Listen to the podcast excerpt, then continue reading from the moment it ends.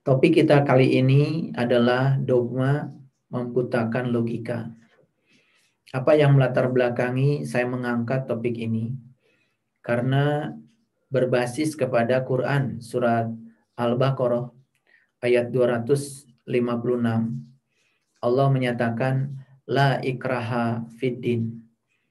La ikraha fiddin arti sederhananya adalah tidak ada paksaan di dalam agama.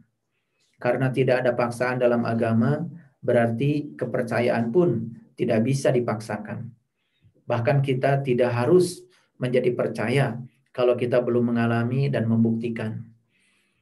Agama dengan ilmu pengetahuan itu sebetulnya sama-sama ya menyelidiki kebenaran. Cuman beda objeknya saja. Kalau agama itu adalah kebenaran yang bersifat subjektif, sedangkan ilmu pengetahuan adalah kebenaran yang bersifat objektif. Jadi sebetulnya hanya metodenya saja yang berbeda karena dua-duanya sama-sama mengungkapkan kebenaran. Yang diungkap adalah kebenaran yang sama. Karena apa? Saya mengatakan tadi yang nyata dia, yang tidak nyata juga dia. Yang lahir dia, yang batin juga dia. Yang mana yang bukan dia. Jadi kalau kita selama ini membuat dikotomi antara agama dengan ilmu pengetahuan, itu adalah dikotomi yang keliru. Oleh karena itu saya tidak tertarik untuk memberi nama yang berbeda pada agama dan ilmu pengetahuan dan saya tertarik untuk menyebut dua-duanya adalah sains. Karena sains itu artinya adalah mengetahui. Sekali lagi sains artinya adalah mengetahui. Karena antara yang fisik dengan yang metafisik itu adalah simetri. Kita tidak akan pernah bisa ya mengetahui uh, yang uh, metafisik kalau kita juga tidak menyusuri ya proses penyelidikan pada yang bersifat fisik. Jadi kalau kita berbicara tentang kebenaran, berarti sesungguhnya kita sedang berbicara pada proses penyelidikan. Dan proses penyelidikan itu selalu diawali dengan sebuah pertanyaan. Oleh karena itu, ya, ada yang disebut dengan metode ilmiah dalam sains. Oleh karena itu, metode ilmiah untuk membuka rahasia sains baik prosesnya maupun produknya itu yang disebut dengan pendekatan saintifik. Jadi pendekatan saintifik atau metode ilmiah itu selalu diawali dengan sebuah pertanyaan.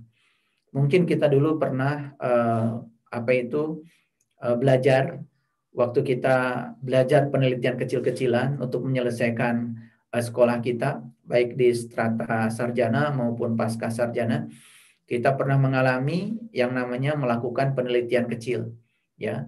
Dan pada saat kita melakukan proses penelitian kecil itu, kita dianjurkan untuk membuat suatu rumusan yang disebut dengan rumusan masalah. Dan rumusan masalah itu isinya adalah sebuah pertanyaan yang dirumuskan sedemikian rupa sehingga kita punya batasan terhadap masalah. Biasanya isinya adalah hubungan antar variabel ya di dalam rumusan itu. Dan para ilmuwan semua melakukan penyelidikan dimulai dengan proses bertanya. Oleh karena itu, ya, sains telah mengajarkan kepada kita untuk tidak percaya pada apa pun sebelum kita membuktikannya. Sains telah mengajarkan kepada kita untuk e, meragukan apa pun kalau kita belum membuktikannya. Itulah sebetulnya pendekatan saintifik ya. Oleh karena itu, ya, anak-anak di sekolah sekarang ya diajarkan yang namanya kurikulum 2013 yang direvisi. Salah satu pendekatannya supaya anak-anak terbiasa dengan dengan uh, pendekatan saintifik. Artinya apa pun ya, mohon maaf, baik itu ilmu pengetahuan umum maupun ilmu pengetahuan agama harus dimulai dengan proses mempertanyakan. Jadi tidak harus percaya. Karena percaya itu tidak bisa dipaksakan. Oleh karena itu dalam Quran surat Al-Baqarah ayat 256 yang saya sampaikan tadi, Allah sendiri mengatakan la ikraha fiddin. Tidak ada paksaan dalam agama. Termasuk juga tidak boleh kita kemudian memaksakan kepercayaan pada orang lain yang orang lain tidak mengalami yang kita alami. Dan itulah sebetulnya yang disebut dengan kebebasan. Dan kebebasan ini akan mengantarkan kepada kita untuk menemukan kebenaran. Kalau dari sejak awal kita sudah dikerangkeng oleh rasa takut, apalagi takut untuk melakukan kesalahan, maka siapa pun yang takut melakukan kesalahan tidak akan pernah punya pengalaman baru. Oleh karena itu, saya tertarik untuk menyampaikan satu statement yang disampaikan oleh Einstein. Beliau mengatakan, sesungguhnya aku bukanlah orang yang pintar, cuman aku sering mengizinkan diriku berlama-lama dalam masalah. Itu saja sebetulnya. Berlama-lama dalam masalah itu artinya tidak pernah menghindar dari dari suatu masalah. Karena masalah sesungguhnya di dalamnya ada ada sub problem. Ada kesempatan untuk kita belajar. Dimulai dengan mempertanyakan, kemudian kita mengajukan hipotesa, dan kemudian kita mendapatkan kesimpulan. Dan kesimpulan pun tidak ada kesimpulan akhir, yang adalah kesimpulan sementara di penelitian kita. Karena yang namanya kebenaran itu tak terbatas, otomatis tidak bisa dibatasi. Jadi tidak ada sebetulnya orang yang sudah sampai pada titik tertentu menemukan kebenaran. Yang ada adalah ya kebenaran yang bersifat relatif di titik itu. Jadi sementara ya di titik itu mungkin dianggap kebenaran. Hukum Newton di zamannya dianggap uh, stabil ya di zamannya. Tetapi kemudian ketika orang berpikir bahwa yang namanya materi itu punya sifat gelombang dan gelombang pun punya sifat materi, ditemukannya yang namanya sifat dualisme gelombang partikel secara eksperimen, maka kemudian hukum Newton tidak berlaku lagi. Lalu kemudian ya lahirlah seseorang yang bernama Schrödinger. Lalu ya rumusan Schrödinger itu dapat membuat uh, hukum Newton ya uh, apa itu keberlakuannya uh, menjadi lebih universal. Jadi hukum Newton pun ya tergantung kerangkanya. Ada kerangka yang bersifat inersial, ada kerangka yang bersifat non inersial. Ternyata hukum Newton pun ya kemudian baru disadari hanya berlaku pada kerangka acuan yang bersifat inersial. Dalam kerangka acuan yang non inersial tidak berlaku. Apalagi ketika berbicara representasi dari benda sebagai energi, sebagai gelombang. Sedangkan sekarang pemikiran manusia sudah maju Nikola Tesla mengatakan kalau kamu ingin mengetahui rahasia alam semesta, maka kamu harus memandang alam semesta sebagai energi, sebagai vibrasi, dan sebagai frekuensi. Oleh karena itu, pada kesempatan yang penuh berkah ini, marilah kita meniti ke dalam diri untuk menyadari kembali apakah kepercayaan-kepercayaan yang selama ini oleh kita dipercayai itu betul-betul kebenaran atau hanya sebatas doktrin, dogma yang dipaksakan kepada kita, lalu kita mengkhianati logika kita sendiri. Kalau kebenaran itu kemudian mengkhianati logika kita sendiri, maka kita suatu saat akan terambang-ambing pada kebingungan. Itu yang disebut dengan subhat, ya, keraguan-raguan yang mendalam. Oleh karena itu, Rasulullah sendiri mengatakan subhat itu harus ditiadakan dalam diri kita. Karena subhat itu bibit ya untuk ya kita mengalami keraguan yang lebih dalam. Mari kita jujur pada diri kita sendiri. Apakah semua keyakinan yang selama ini kita yakini ini hanya dasar percaya apa kata orang? Atau kita memang sudah melakukan penyelidikan yang lebih dalam? Ketika kita mengawali apa pun ya dengan tidak percaya atau meragukan, maka kita akan menyampaikan sebuah pertanyaan pada diri kita. Maka siapa pun yang menyampaikan pertanyaan pada dirinya, otomatis semesta akan mengalirkan jawab pada dirinya. Kalau kita mengacu pada hadis Nabi yang mengatakan, amalkan saja apa yang kamu tahu, maka Allah akan mengajarkan apa yang kamu tidak tahu. Jadi artinya Nabi Muhammad Rasulullah Wasallam sendiri mengatakan bahwa yang namanya kebenaran itu adalah pengalaman. Oleh karena itu maka pengetahuan sangat berbeda dengan informasi.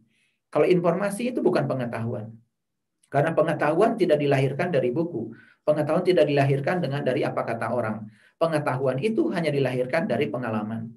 Jadi sebetulnya apa pun yang kita tahu hari ini, kalau sebatas apa kata orang, apa kata buku, apa kata kitab, termasuk kitab suci sekalipun, selama itu tidak mengalami sendiri, maka sesungguhnya itu baru sebatas informasi. Jangan-jangan sebetulnya yang disebut dengan pengetahuan oleh kita selama ini sebetulnya hanyalah informasi, bukan pengetahuan yang sesungguhnya. Karena pengetahuan yang sesungguhnya hanya bisa dilahirkan lewat pengalaman. Oleh karena itu kata-kata bijak dari para ilmuwan, ya terutama ilmuwan dalam bidang spiritual, walaupun kebenaran yang bersifat subjektif, beliau-beliau mengatakan kepada kita malam yazuk lam ya'rif. Yang tidak mengalami tidak akan pernah mengetahui. Jadi sebetulnya mengetahui yang sesungguhnya itu didasarkan atas mengalami. Jadi kalau kita tidak mengalami, sesungguhnya kita itu tidak mengetahui. Jadi mengetahui yang sebetulnya lahir dari suatu pengalaman. Makanya sains itu artinya mengetahui. Artinya sains itu bukan produk dari kata orang, tetapi sains itu adalah produk eksperimen. Sains itu bersifat empirik. Oleh karena itu, ilmu pengetahuan, baik pengetahuan umum maupun pengetahuan agama, bagi saya harus bersifat empirik. Karena kalau tidak bersifat empirik, tidak didasarkan atas pengalaman, maka kita akan ngawang-ngawung ya. Ngawang-ngawung di belantara ya kata-kata yang kemudian akan menyesatkan kita sendiri. Sambil contoh yang sederhana, banyak sekali ya sekarang ya yang mengalami transisi ya dari agama menuju spiritual. Lalu apa yang mendorong kita mengalami transisi dari agama menuju spiritual? Kebanyakan ya, mohon maaf ya, transisi itu hanya didasarkan atas ketidakpuasan. Mungkin saja sebagian orang yang tidak puas dengan agama yang diajarkan tidak uh, humanis. Ada orang yang kemudian tidak puas, ada yang mengajarkan agama tetapi tidak bersifat universal. Masalahnya itu adalah ya tidak humanis dan tidak universal. Harusnya kita bukan lari dari agama menuju spiritual, harusnya selesaikan di situ karena masalah kita adalah itu. Ada orang yang kemudian lari kepada spiritual ya karena dia tidak puas dengan kitab suci dan mengatakan bahwa kitab suci terlalu banyak metafora. Sebetulnya masalah besarnya adalah kitab suci yang bersifat metafora. Bagi dia metafora. Tapi mungkin bagi sebagian orang kitab suci bukan metafora lagi. Oleh karena itu maka di dalam Al-Quran ada kata-kata yang sangat indah yang disampaikan oleh Allah dalam Quran surat An-Nur ayat 35. Beliau mengatakan yahdillahu linurihi mayyasa. Allah akan menunjukkan kepada cahayanya siapa saja yang dikehendaki. Jadi artinya yang dikehendaki oleh Allah adalah mereka yang punya kehendak. Kenapa? Karena sebagian dari dirinya Allah sudah ditiupkan pada diri setiap manusia. Karena sesungguhnya pada diri setiap manusia itu ada percikan cahayanya. Sebetulnya kalau kita menggunakan bahasa lain, kita semua adalah anak-anak cahaya. Dan sebetulnya anak cahaya itu pasti berasal dari bapaknya cahaya. Anak-anak cahaya setelah berkarya pun pada gilirannya akan kembali pada bapaknya cahaya kembali. Itulah yang disebut dengan innalillahi wa inna ilaihi rajiun. Karena sesungguhnya ruh itu ya, ruh itu yang paling mudah untuk dideteksi wujudnya adalah cahaya, tetapi bukan cahaya biasa, itu adalah cahaya di atas cahaya. Ini bukan saya bukan mau menyampaikan informasi, tetapi saya ingin mengajak kita untuk memotivasi diri kita agar kita bisa membuktikan bahwa ini adalah pengetahuan, bukan sekedar informasi.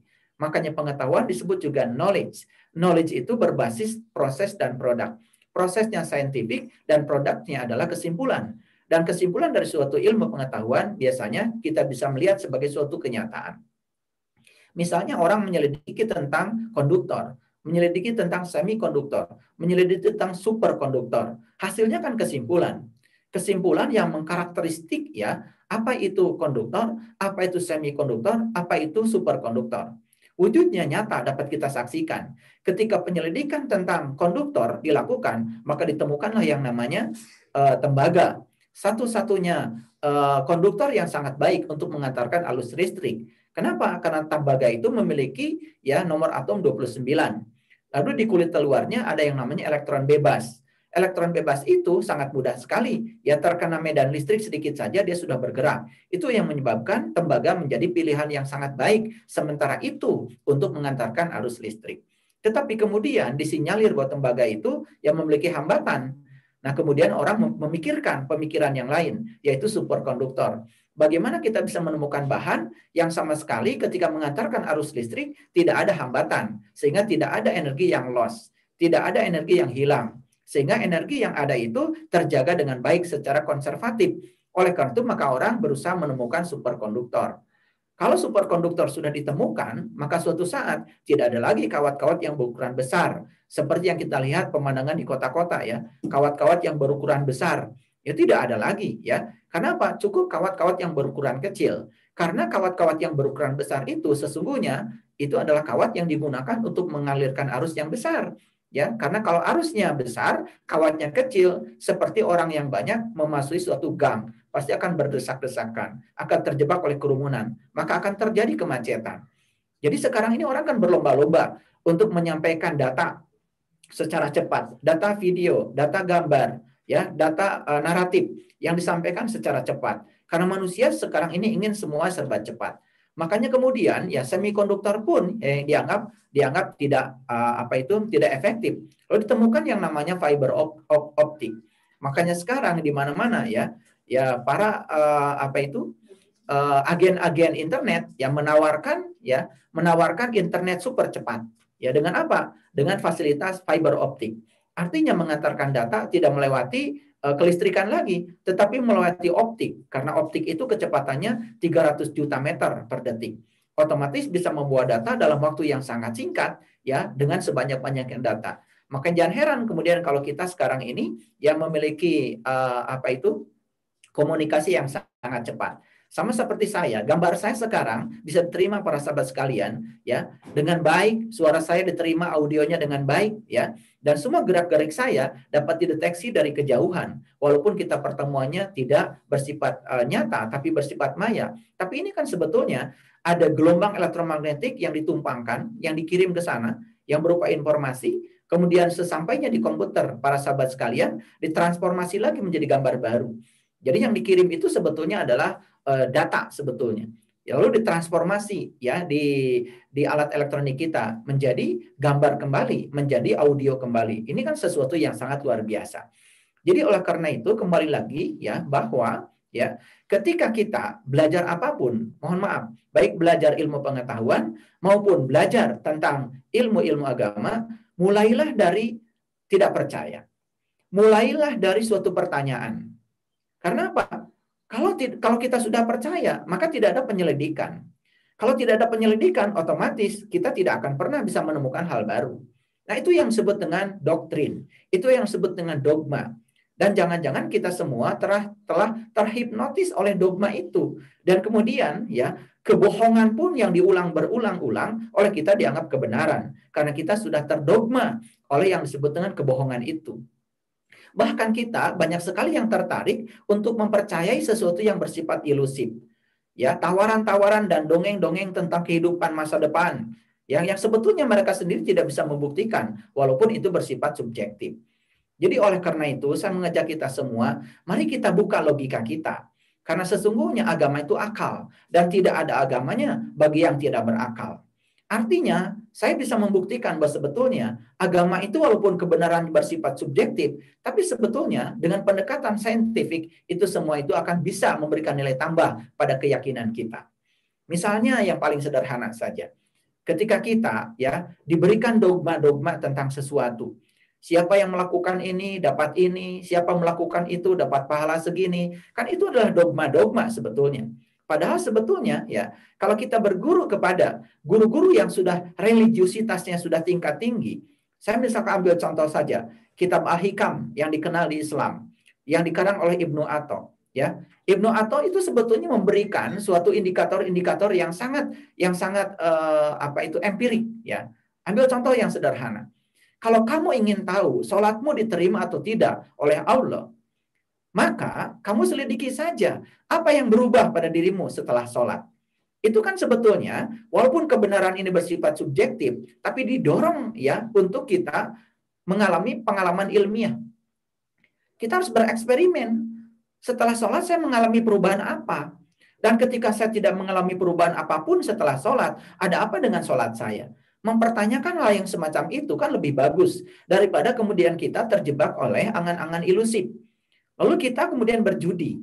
Makanya judi itu kenapa diharamkan? Bagi saya, judi yang diharamkan itu sebetulnya adalah bukan judi yang bersifat fisik. Tetapi judi yang sangat berbahaya adalah membiarkan diri kita terombang-ambing ya, ya pada masa depan yang tidak tentu. Misalkan begini, ketika ditanya, apakah sholat Anda diterima atau tidak oleh Allah? Kemudian kita mengatakan, ya sudah, terserah Allah. Nah, terserah Allah, itu kan sebetulnya kita telah yang membebankan ya sesuatu ya keraguan kita kepada Allah itu sendiri. Harusnya kita menggunakan ukuran yang disampaikan oleh Ibnu Atho. Dan Ibnu Atho mengatakan, kalau kamu ingin tahu sholatmu diterima atau tidak oleh Allah, ya tanya saja perubahan apa yang terjadi pada dirimu. Perubahan kesadaran apa? Kesehatan apa? Ketika kamu takbiratul ihram, kesehatan apa yang kamu rasakan? Ketika kamu ruku dan sujud, Kemudian perubahan kesehatan apa yang secara fisik kamu bisa, rasakan? Ketika kamu meng mengafirmasi dengan bacaan-bacaan sholat, lalu kemudian afirmasi apa? Hipnoterapi apa yang bisa menyembuhkan?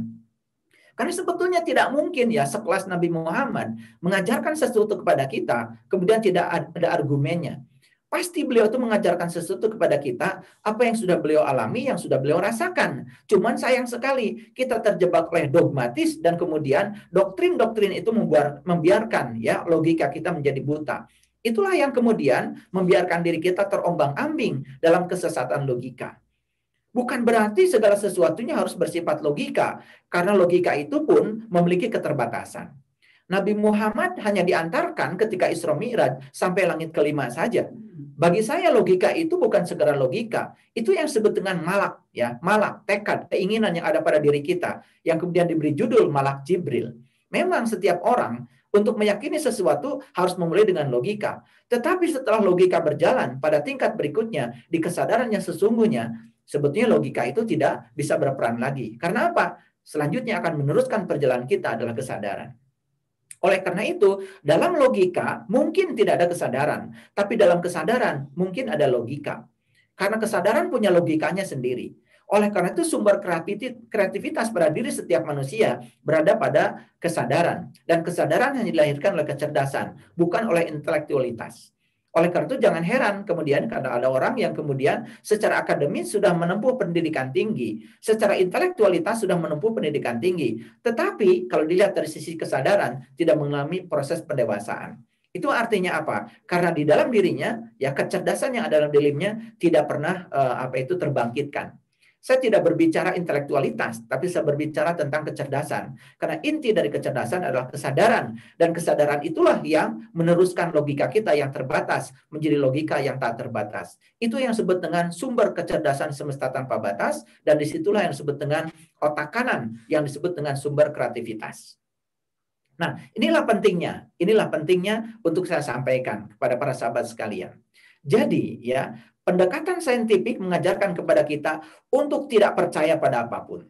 Pendekatan saintifik mengajarkan kepada kita untuk meragukan apa pun. Jadi ketika kita tidak percaya pada apa pun dan meragukan apa pun, maka kita akan melakukan proses penyelidikan. Tetapi syaratnya satu, kita harus selalu terbuka pikirannya. Makanya kalau pikiran kita sudah tertutup, ya itu sangat berbahaya. Karena pikiran itu seperti parasut. Ya, Pikiran itu seperti parasut. Dan parasut itu baru berguna kalau terbuka. Coba lihat ya, orang yang mengalami terjun uh, payung. Ya, setelah lepas dari pesawat, terjun payung belum terbuka. Pada saat terjun payung belum terbuka, maka dia akan jatuh bebas. Itu yang disebut dengan free fall, ya.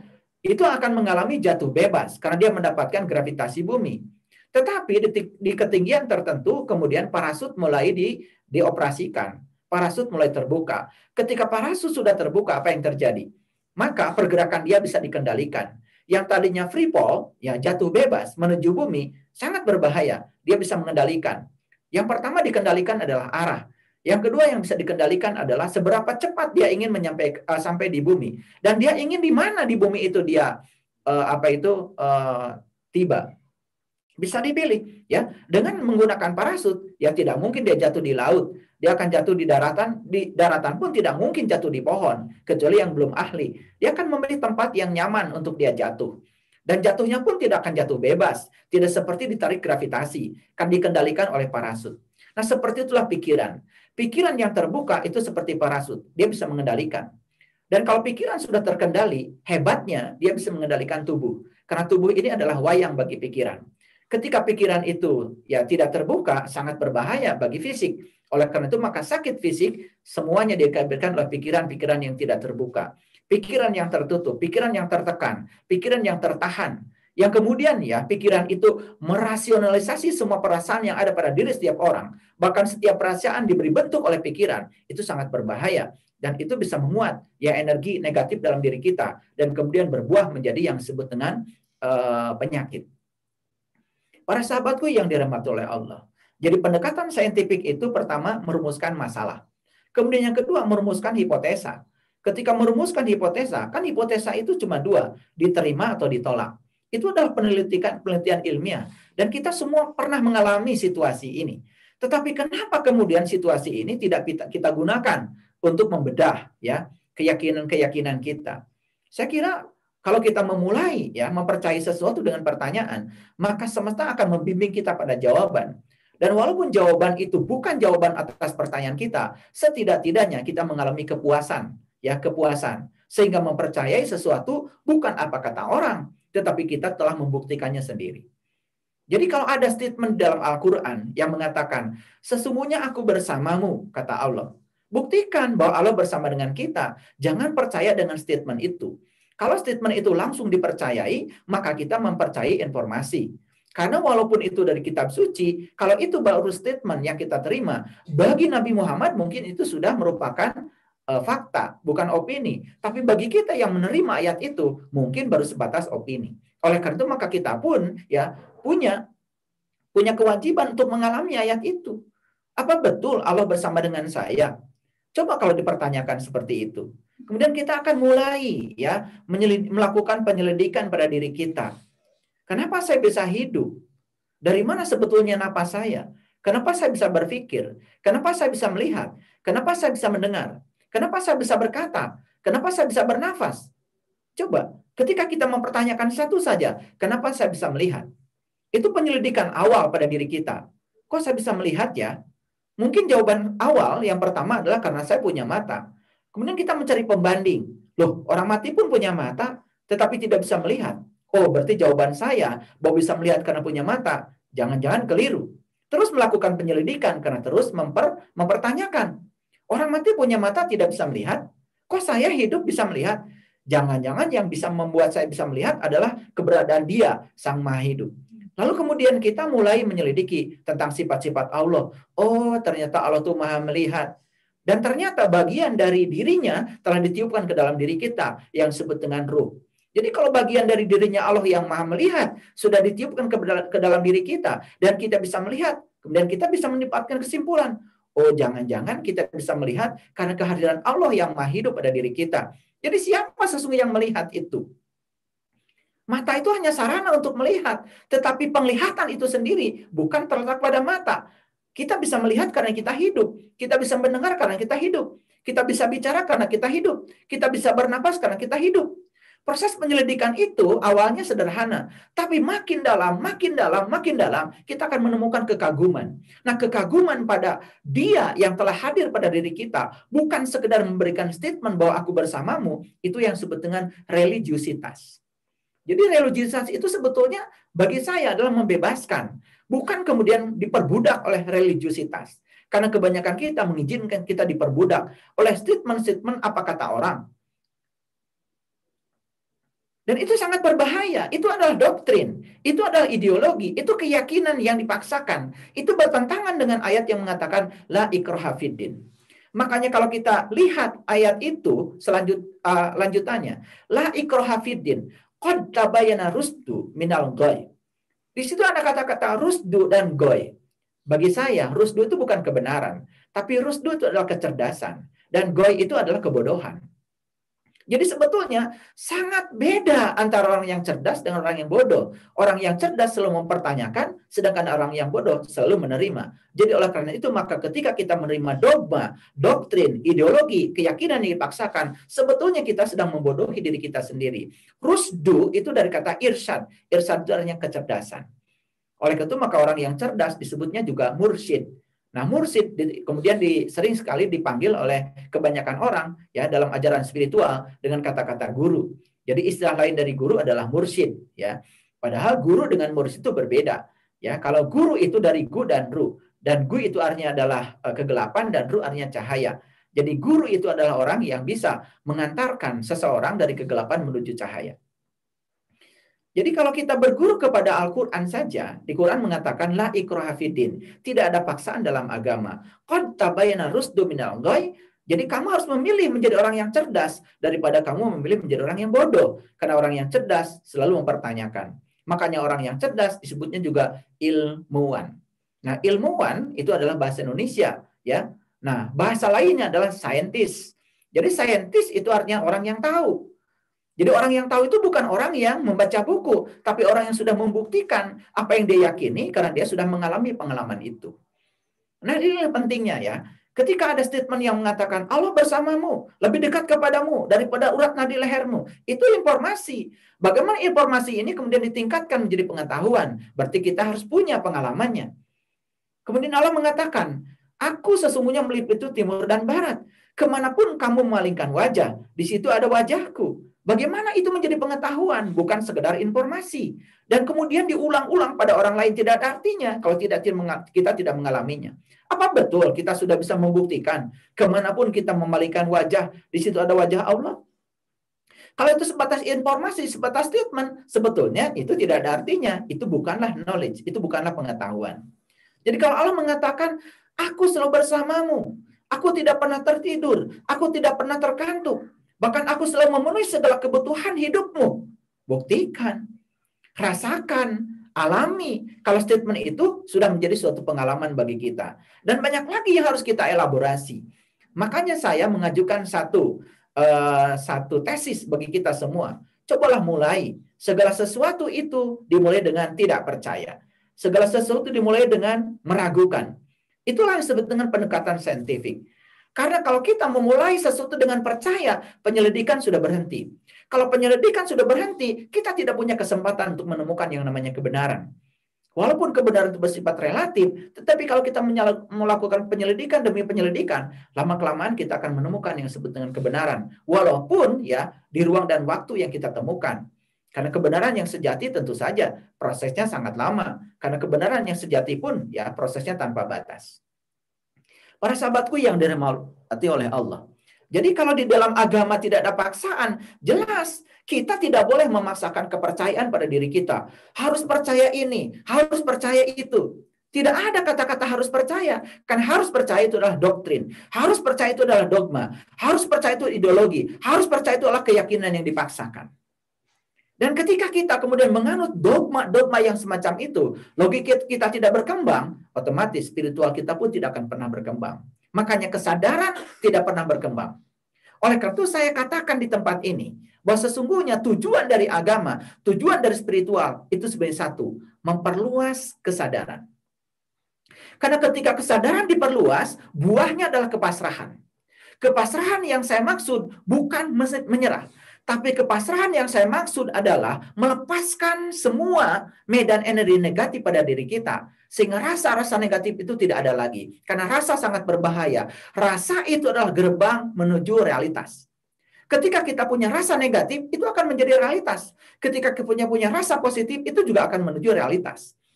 Jadi realitas yang akan terjadi di sekitar kita tergantung bagaimana rasa kita. Dan rasa itu dibangun oleh tiga hal.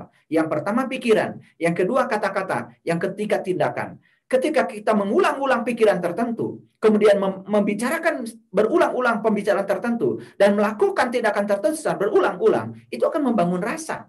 Dan ketika rasa sudah menjelma, apalagi rasa negatif, itu sudah dekat menuju realitas. Tapi kalau rasa yang terbentuk adalah rasa positif, insya Allah realitasnya akan positif.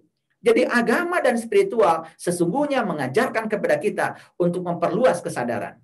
Nah, memperluas kesadaran buahnya adalah kepasrahan. Tetapi memperluas kesadaran, buah yang lain selain kepasrahan apa itu? Kita punya kemampuan untuk mencintai diri sendiri yang lebih. Yang kedua, kita punya kemampuan untuk mencintai orang lain yang lebih. Yang ketiga, kita pun punya kemampuan untuk mencintai Allah dengan lebih. Jadi tiga sebetulnya. Pertama, ada proses ya perluasan kemampuan mencintai pada diri sendiri. Yang kedua, proses ya petu kemampuan mencintai orang lain. Dan yang ketiga adalah proses untuk memiliki kemampuan mencintai kepada Tuhan. Nah, ketika ya ketiga, ketika cinta ini sudah tumbuh pada diri kita, maka ego pada diri kita bukan lagi diekspresikan, tapi ego itu dipasrahkan. Dan saya berulang kali mengatakan bahwa ego itu seperti luka yang menganga. Ego itu seperti luka yang terbuka. Lihat kalau orang punya luka yang terbuka, sedikit eh tersenggol pasti sakit. Jadi sebetulnya untuk tahu apakah ego saya tinggi atau rendah, lihat saja Anda mudah tersinggung atau tidak.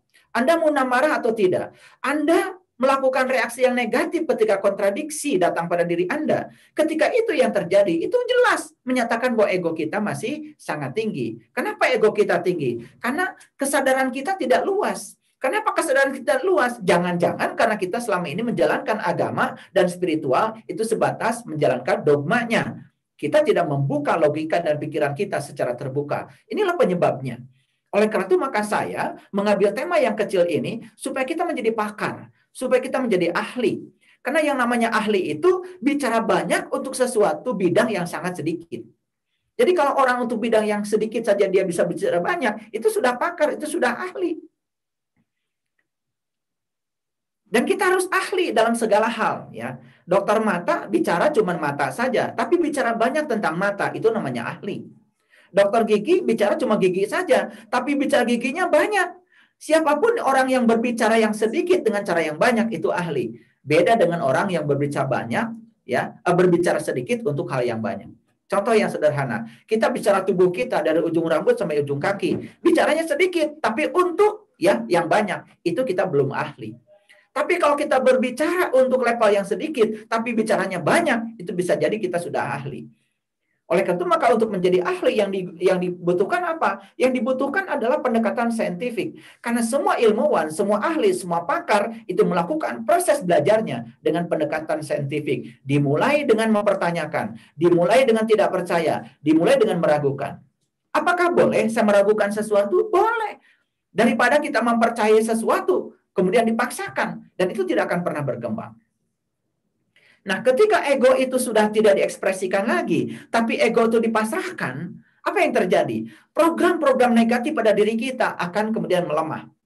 Maka ketika program-program negatif melemah, hambatan untuk menuju iman yang sesungguhnya itu mungkin juga akan mulai mulai sirna. Kenapa? Karena hambatan menuju iman sesungguhnya adalah program-program negatif yang terbentuk oleh kita, diizinkan oleh kita dalam waktu yang sangat panjang, ya, dan itu menjadi pembenaran pada diri kita.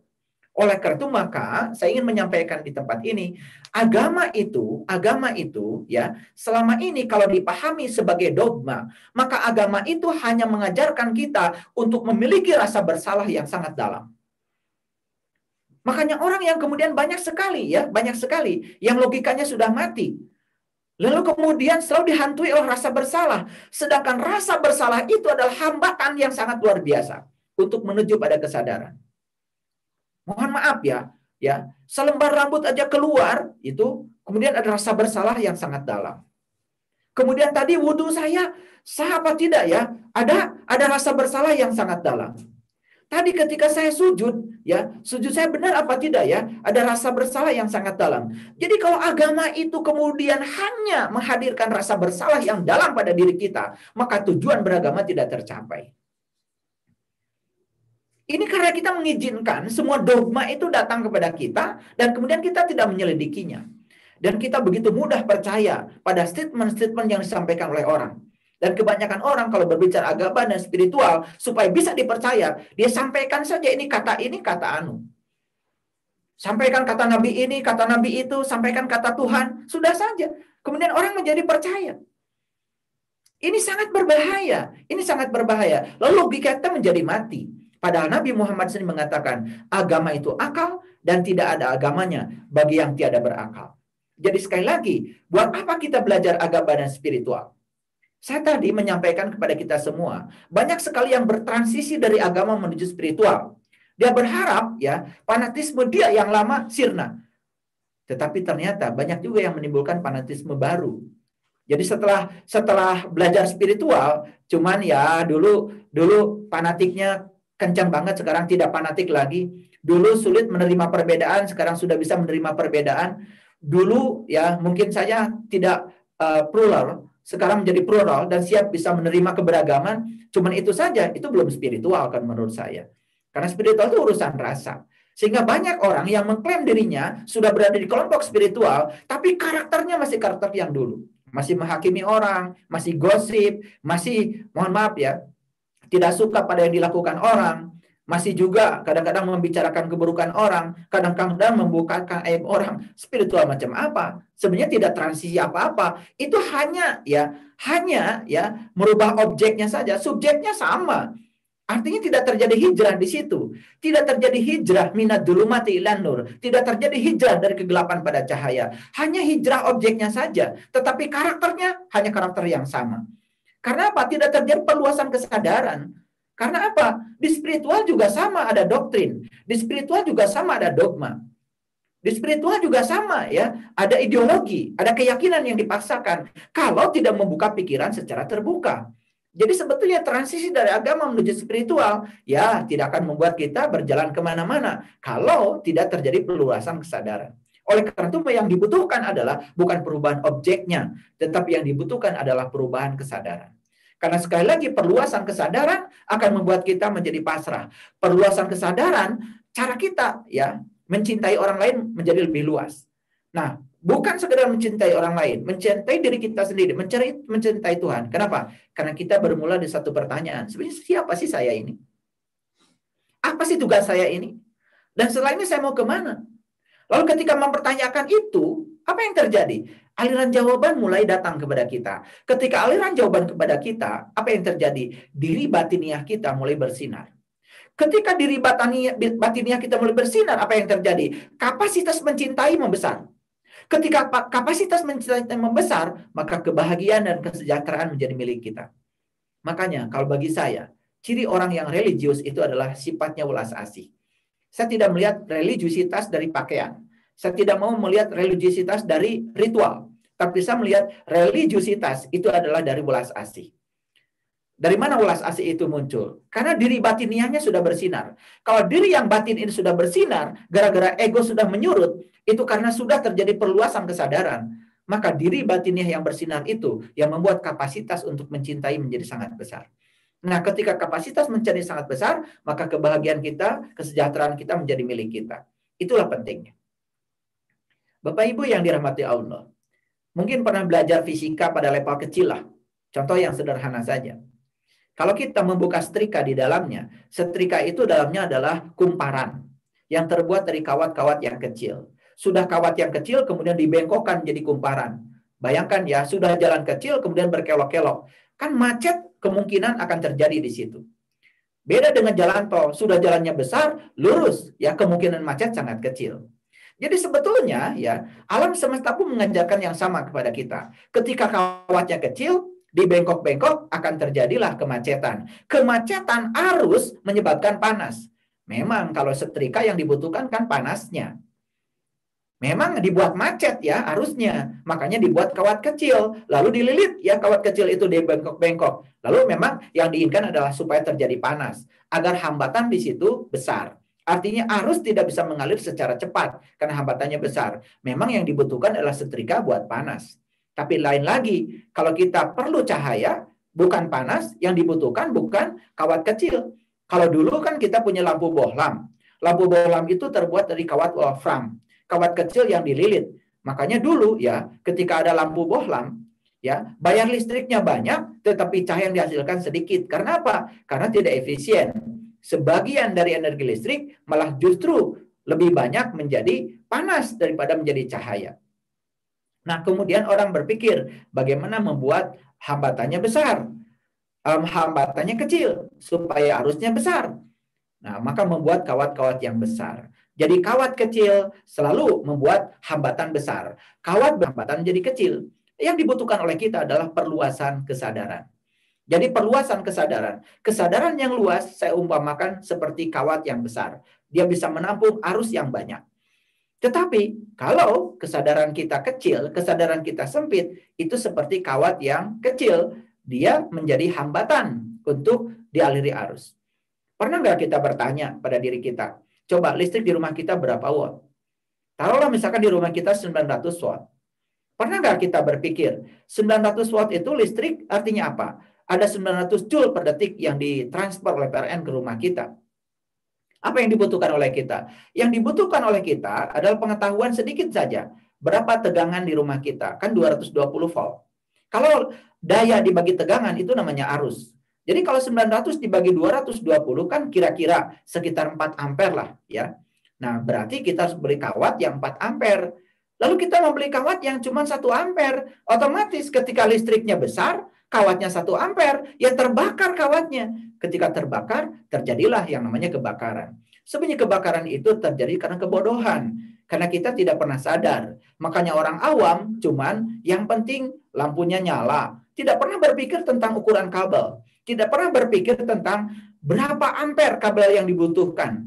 Pada setiap kabel, kalau kita beli dari toko elektronika, punya yang disebut dengan karakterisasinya ada kabel 2 ampere, 5 ampere, 10 ampere, 20 ampere. Lalu kita membeli kabel sembarangan saja. Bahkan orang-orang awam cenderung memberi kabel yang murah saja. Yang penting murah. Tetapi aspek keamanan, ya, aspek security di rumah kita itu saja orang menjalankan agama. Ya, dia menjalankan agama terus aja menjalankan ritual. Sementara dia pun tidak mengerti yang dia jalankan. Mohon maaf ya, dia sudah sholat lima waktu, tetapi kesadaran tidak menjadi meningkat. Kenapa? Kan dia menjalankan dogma saja, tidak pernah mempertanyakan. Apa sih sholat itu? Ketika kita mempertanyakan apa sih sholat itu, dijawab oleh Al-Quran.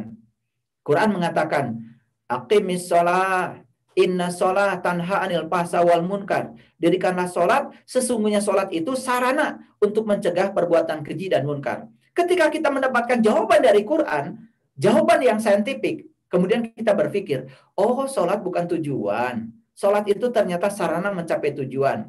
Tujuan dari sholat itu tercegahnya kita dari perbuatan keji dan munkar. Oh, selama ini saya salah menjadikan saya menjadikan sholat sebagai tujuan. Lalu saya setiap hari menghitung rakaat salat saya. Padahal saya tidak pernah menghitung berapa banyak kesadaran yang berubah pada diri saya setelah saya menjalankan rakaat demi rakaat. Kan lumayan tuh ada ada ada ada mulai, ada reformasi pada diri kita. Ada reformasi dalam diri kita, ada proses belajar pada diri kita. Lalu kenapa ketika sholat harus membaca doa iftitah? Ini wajah tu wajhialilladzi pataros sama wati wal ar. Dan siapa orang pertama yang membaca doa iftitah itu? Ketika kita mempertanyakan, kita akan menemukan jawaban. Oh, doa iftitah itu yang pertama kali baca adalah Nabi Ibrahim. Itu diabadikan dalam Quran surat Al-An'am. Kapan Nabi Ibrahim mulai mengucapkan kalimat itu? Tepat setelah beliau ya melakukan pencarian pada jati dirinya. Pada saat itu beliau menemukan bintang. Saat itu beliau menemukan bulan. Pada saat itu beliau menemukan matahari. Setelah menemukan bintang, bulan, dan matahari, kemudian muncullah kata-kata, ini wajah tuh. Oh, berarti saya tidak boleh dong mengatakan ini wajah tuh sebelum saya melakukan pencarian yang sama seperti Nabi Ibrahim. Jadi mulai terbuka tuh, doktrin mulai kita urai. Sehingga logika kita mulai jalan. Makanya di Quran ada kata-kata, makomu Ibrahim musola. Salatlah kamu di level Ibrahim. Kenapa ada perintah kita harus sholat di level Ibrahim? Artinya kita kalau sholat harus mengikuti sholatnya Nabi Ibrahim. Dan saya kira Nabi Muhammad pun ya ya mengikuti sholatnya pada uh, leluhurnya yang sebelumnya. Nabi Ibrahim juga leluhurnya Nabi Muhammad. Maka Nabi Ibrahim disebut Abul Anbiya, bapaknya para nabi. Kan Nabi Muhammad itu keturunan dari Nabi Ismail. Nabi Ismail keturunan dari Nabi Ibrahim. Kalau kita lihat silsilahnya ke bawah, ya sama sebetulnya ajarannya sama. Nah, apa yang hilang dari diri kita selama ini? Yang hilang dari diri kita adalah ya, apa itu? Lama dalam masalah. Kita tidak pernah mempertanyakan. Makanya benar kata Einstein, aku tidak pintar, cuman aku lebih banyak mengizinkan aku berlama-lama dalam masalah. Itu saja yang mengatakan eh, yang membuat beliau berbeda. Bahkan di statement lain, Einstein mengatakan, sebetulnya Anda dengan saya itu sama jeniusnya. Lalu apa bedanya Anda dengan saya? Bedanya kata Einstein, aku menikmati setiap keinginan keingin tahuanku apa adanya. Aku menikmati setiap keingin tahu keinginan tahuku apa adanya. Jadi kita itu sering tidak bisa menikmati rasa ingin tahu kita. Jadi kalau rasa ingin tahu kita itu dinikmati dan kita mempertanyakan, mungkin kita seperti Einstein jeniusnya. Bahkan Einstein dulu ya, tahun 1945, eh, sebelum 1945, itu jauh sebelum kita merdeka, beliau sudah membuat statement tentang kesetaraan massa dan energi. E sama dengan MC kuadrat. Bahwa energi itu setara dengan massa kalau dikalikan dengan C kuadrat, kecepatan cahaya dikuadratkan. Itu rumusan yang sangat luar biasa. Walaupun rumusan itu tidak membuat beliau mendapatkan hadiah Nobel. Karena hadiah Nobel untuk Einstein justru didapatkan ketika beliau ya meneruskan pekerjaannya Max Planck ketika bisa menjelaskan tentang apa yang disebut dengan efek fotolistrik. Dan efek fotolistrik telah menjadi uh, awal ya uh, fisika kuantum. Efek fotolistrik sudah menjadi awal untuk perubahan teknologi yang sangat luar biasa sekarang ini. Bahkan ya teknologi hologram ke depan pun sebenarnya bibit awalnya itu dari efek fotolistrik yang disampaikan oleh Einstein. Sehingga sangat rasional kalau beliau mendapatkan hadiah Nobel di bidang itu. Jadi para sahabatku yang dirahmati oleh Allah, ayo kita mulai pertanyakan. Kenapa saya? Kenapa mesti uh, apa itu takbiratul ihram gerakannya seperti ini? Secara fisik apa sebetulnya manfaatnya? Secara spiritual kemudian apa? Lalu Nabi Muhammad mengatakan as-salatu mi'rajul mu'minin. Salat itu mi'rajnya orang yang beriman. Lalu di mana sebetulnya simbol mi'raj itu dalam salat? Diletakkan. Di takbiratul ihram sebelah mana? Apakah takbiratul ihram sekedar mengangkat tangan kita? Atau ada cara meletakkan tangan kita yang tepat? Sehingga kita bisa menemukan pelajaran dari situ. Dan kenapa kemudian kita harus menutup hati? Yang ditutup ini hati ya. Yang ditutup ini hati. Dan hati itu berbeda dengan kolbu. Hati itu bahasa Arabnya adalah kibdah. Di sini adanya. Yang ditutup hati. Kenapa ketika habis takbiratul ihram kita menutup hati? Ya. Bukannya harus dibuka. Itulah yang yang kalau kita tidak bisa membedakan mana kolbu, mana hati, maka kita menjadi rancu karena kita tidak mempertanyakan. Kolbu dengan hati berbeda. Quran tidak cerita hati sama sekali. Quran itu cerita kolbu. Nah ketika sholat, kolbunya dibuka tapi hatinya ditutup. Karena hati pusat segala keinginan. Karena itu harus ditutup. Makanya orang Sunda bilang hati itu angen. Karena hati itu pusat angen-angen. Pusat keinginan. Kalau keinginan ada, sangat berbahaya. Karena keinginan itu akan mendorong kita untuk mengoperasikan pikiran. Kalau pikirannya mulai beroperasi, otomatis kita dalam keadaan sholat tidak berkesadaran. Lo pikiran loncat ke mana-mana, sholatnya jadi nggak kusuk. Ketika sholat nggak kusuk, Allah mengatakan dalam Al-Quran, Innal munafikina yukhadi'unallah wa huwa khadihum wa idha qamu ila sholah qamu kusala yura'unanas wa la yadkurunallaha illa qalila. Quran surat An-Nisa ayat 142. Sesungguhnya orang munafik itu adalah orang yang suka menipu Allah. Dan ketika dia sholat, yang pertama sholatnya malas. Yang kedua sholatnya ria. Yang ketiga sholatnya tidak mengingat Allah sama sekali. Kenapa tidak bisa mengingat Allah? Karena saat itu pikirannya sibuk. Yang menerima aliran dari angan. Dari angan-angan dari, dari daerah sini. Karena hatinya tidak ditutup. Kan semua sebutnya ada saintifiknya. Semua ada alasan ilmiahnya. Kenapa kita mesti sujud? Apa sih sujud? Dan bagaimana sujud yang baik? Di mana kita meletakkan tangan supaya sujud itu baik? Nabi Muhammad mengatakan bahwa sebetulnya siapa pun yang sujudnya baik, maka aliran darah ke otaknya akan sangat baik. Nah, kapan aliran darah itu baik? Kan itu kan dipicu oleh jantung. Bagaimana kita meletakkan tangan kita supaya jantung bisa memompa darah sehingga darah yang ditarik oleh gravitasi itu bisa didorong oleh daya daya tekan dari jantung menuju pembuluh darah yang sudah menyempit di otak kita sehingga otak kita bisa kebagian darah uh, dengan sirkulasi yang merata. Sedangkan darah itu kan sebetulnya membawa oksigen. Darah itu membawa oksigen dan oksigen adalah makanan buat otak.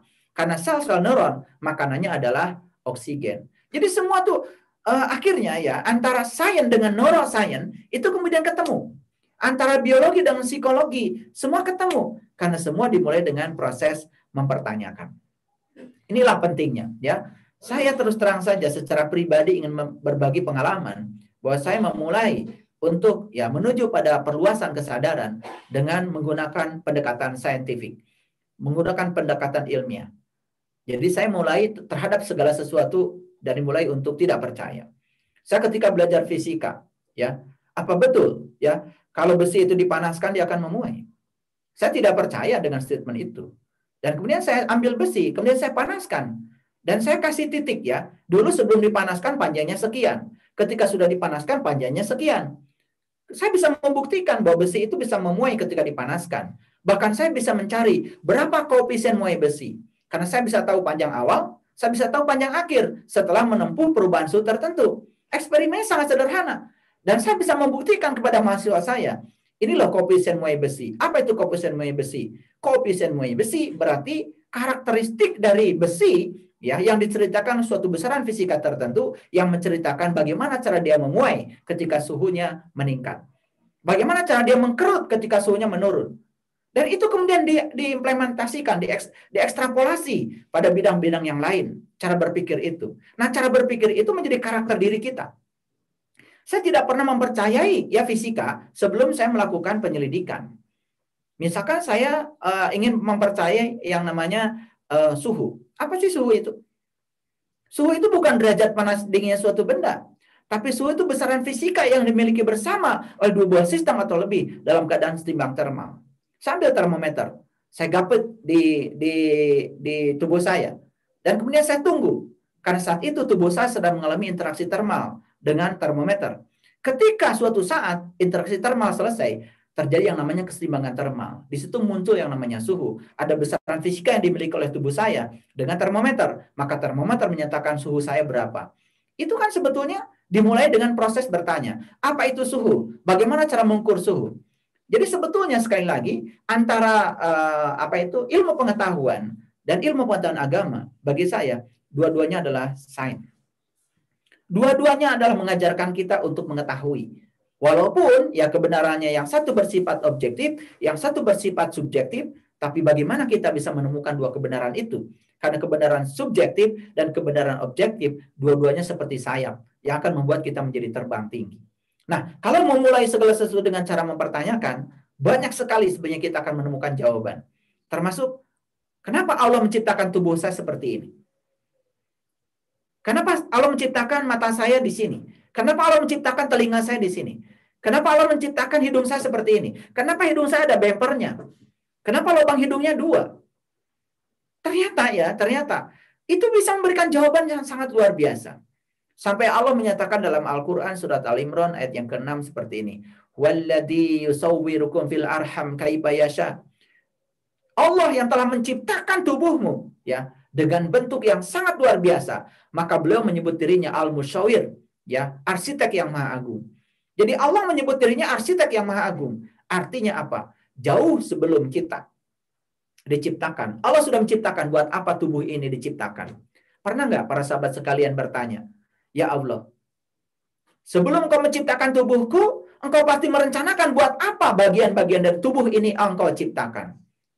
Lalu pertanyaan berikutnya, Ya Allah, jangan-jangan selama ini saya menggunakan organ tubuh saya sebagaimana yang saya mau, bukan sebagaimana yang engkau mau. Lalu apa yang terjadi? Sakit menderita kita. Sakit itu sebetulnya karena kita menggunakan tubuh kita sebagaimana yang kita inginkan, tidak sebagaimana yang Allah inginkan. Padahal kalau kita sadari, siapa pemilik tubuh ini? Kan bukan kita. Pemilik tubuh kita Allah. Siapa pencipta tubuh kita? Pencipta tubuh kita adalah Allah. Kalau kita sadar dengan mempertanyakan dari awal, kita menemukan jawaban. Yang menciptakan tubuh saya adalah Allah. Dan tubuh saya diciptakan oleh Allah. Pasti untuk kesenangan Allah, bukan untuk kesenangan saya. Pertanyaan berikutnya akan timbul pada diri kita. Bagaimana caranya kita menggunakan tubuh untuk kesenangan Allah? Bukan semata-mata untuk kesenangan saya pribadi. Jangan-jangan sakit itu karena saya menggunakan tubuh saya sesuai dengan kesenangan saya, tetapi saya tidak pernah bertanya pada Allah yang menciptakan. Itu akan membuat kita menjadi semakin dalam, semakin dalam. Di situlah akan terjadi yang namanya perluasan kesadaran. Jadi saya berani mengatakan bahwa ketika kita mendapatkan apa pun secara dogmatis, maka kesadaran kita tidak akan pernah berkembang. Dan ketika kesadaran tidak berkembang, kesadaran kita tidak menjadi luas. Jangan kemudian kita berpikir kita akan merasakan apa yang disebut dengan kepasrahan. Karena kepasrahan hanya bisa dilahirkan oleh mereka yang sudah berkesadaran luas. Dan ketika kita tidak punya kesadaran yang luas, jangan pernah berpikir bagaimana kita memperluas kemampuan, kapasitas untuk mencintai pada diri sendiri, pada orang lain, pada Tuhan.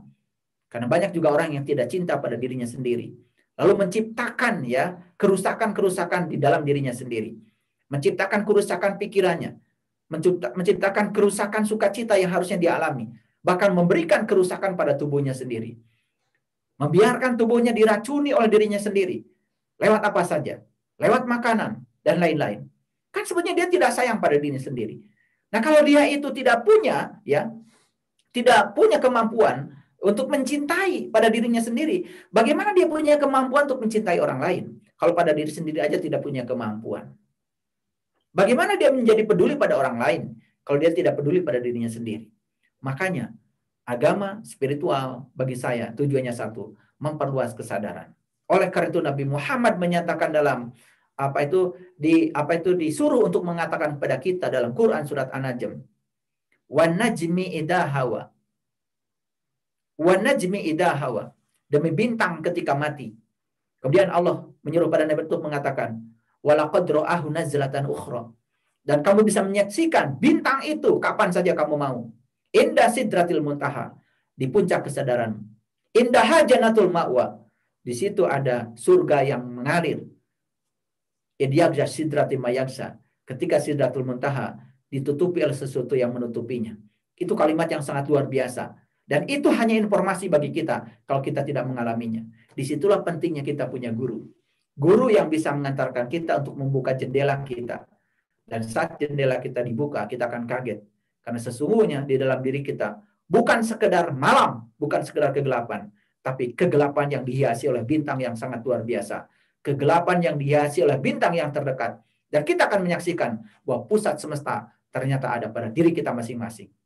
Saat kita meyakini dan saat kita mengalami sendiri bahwa pusat semesta ada pada diri kita, apa yang terjadi? Ketika pusat semesta ditemukan pada diri kita, kita akan menghargai diri kita. Ternyata diri ini sesuatu yang agung.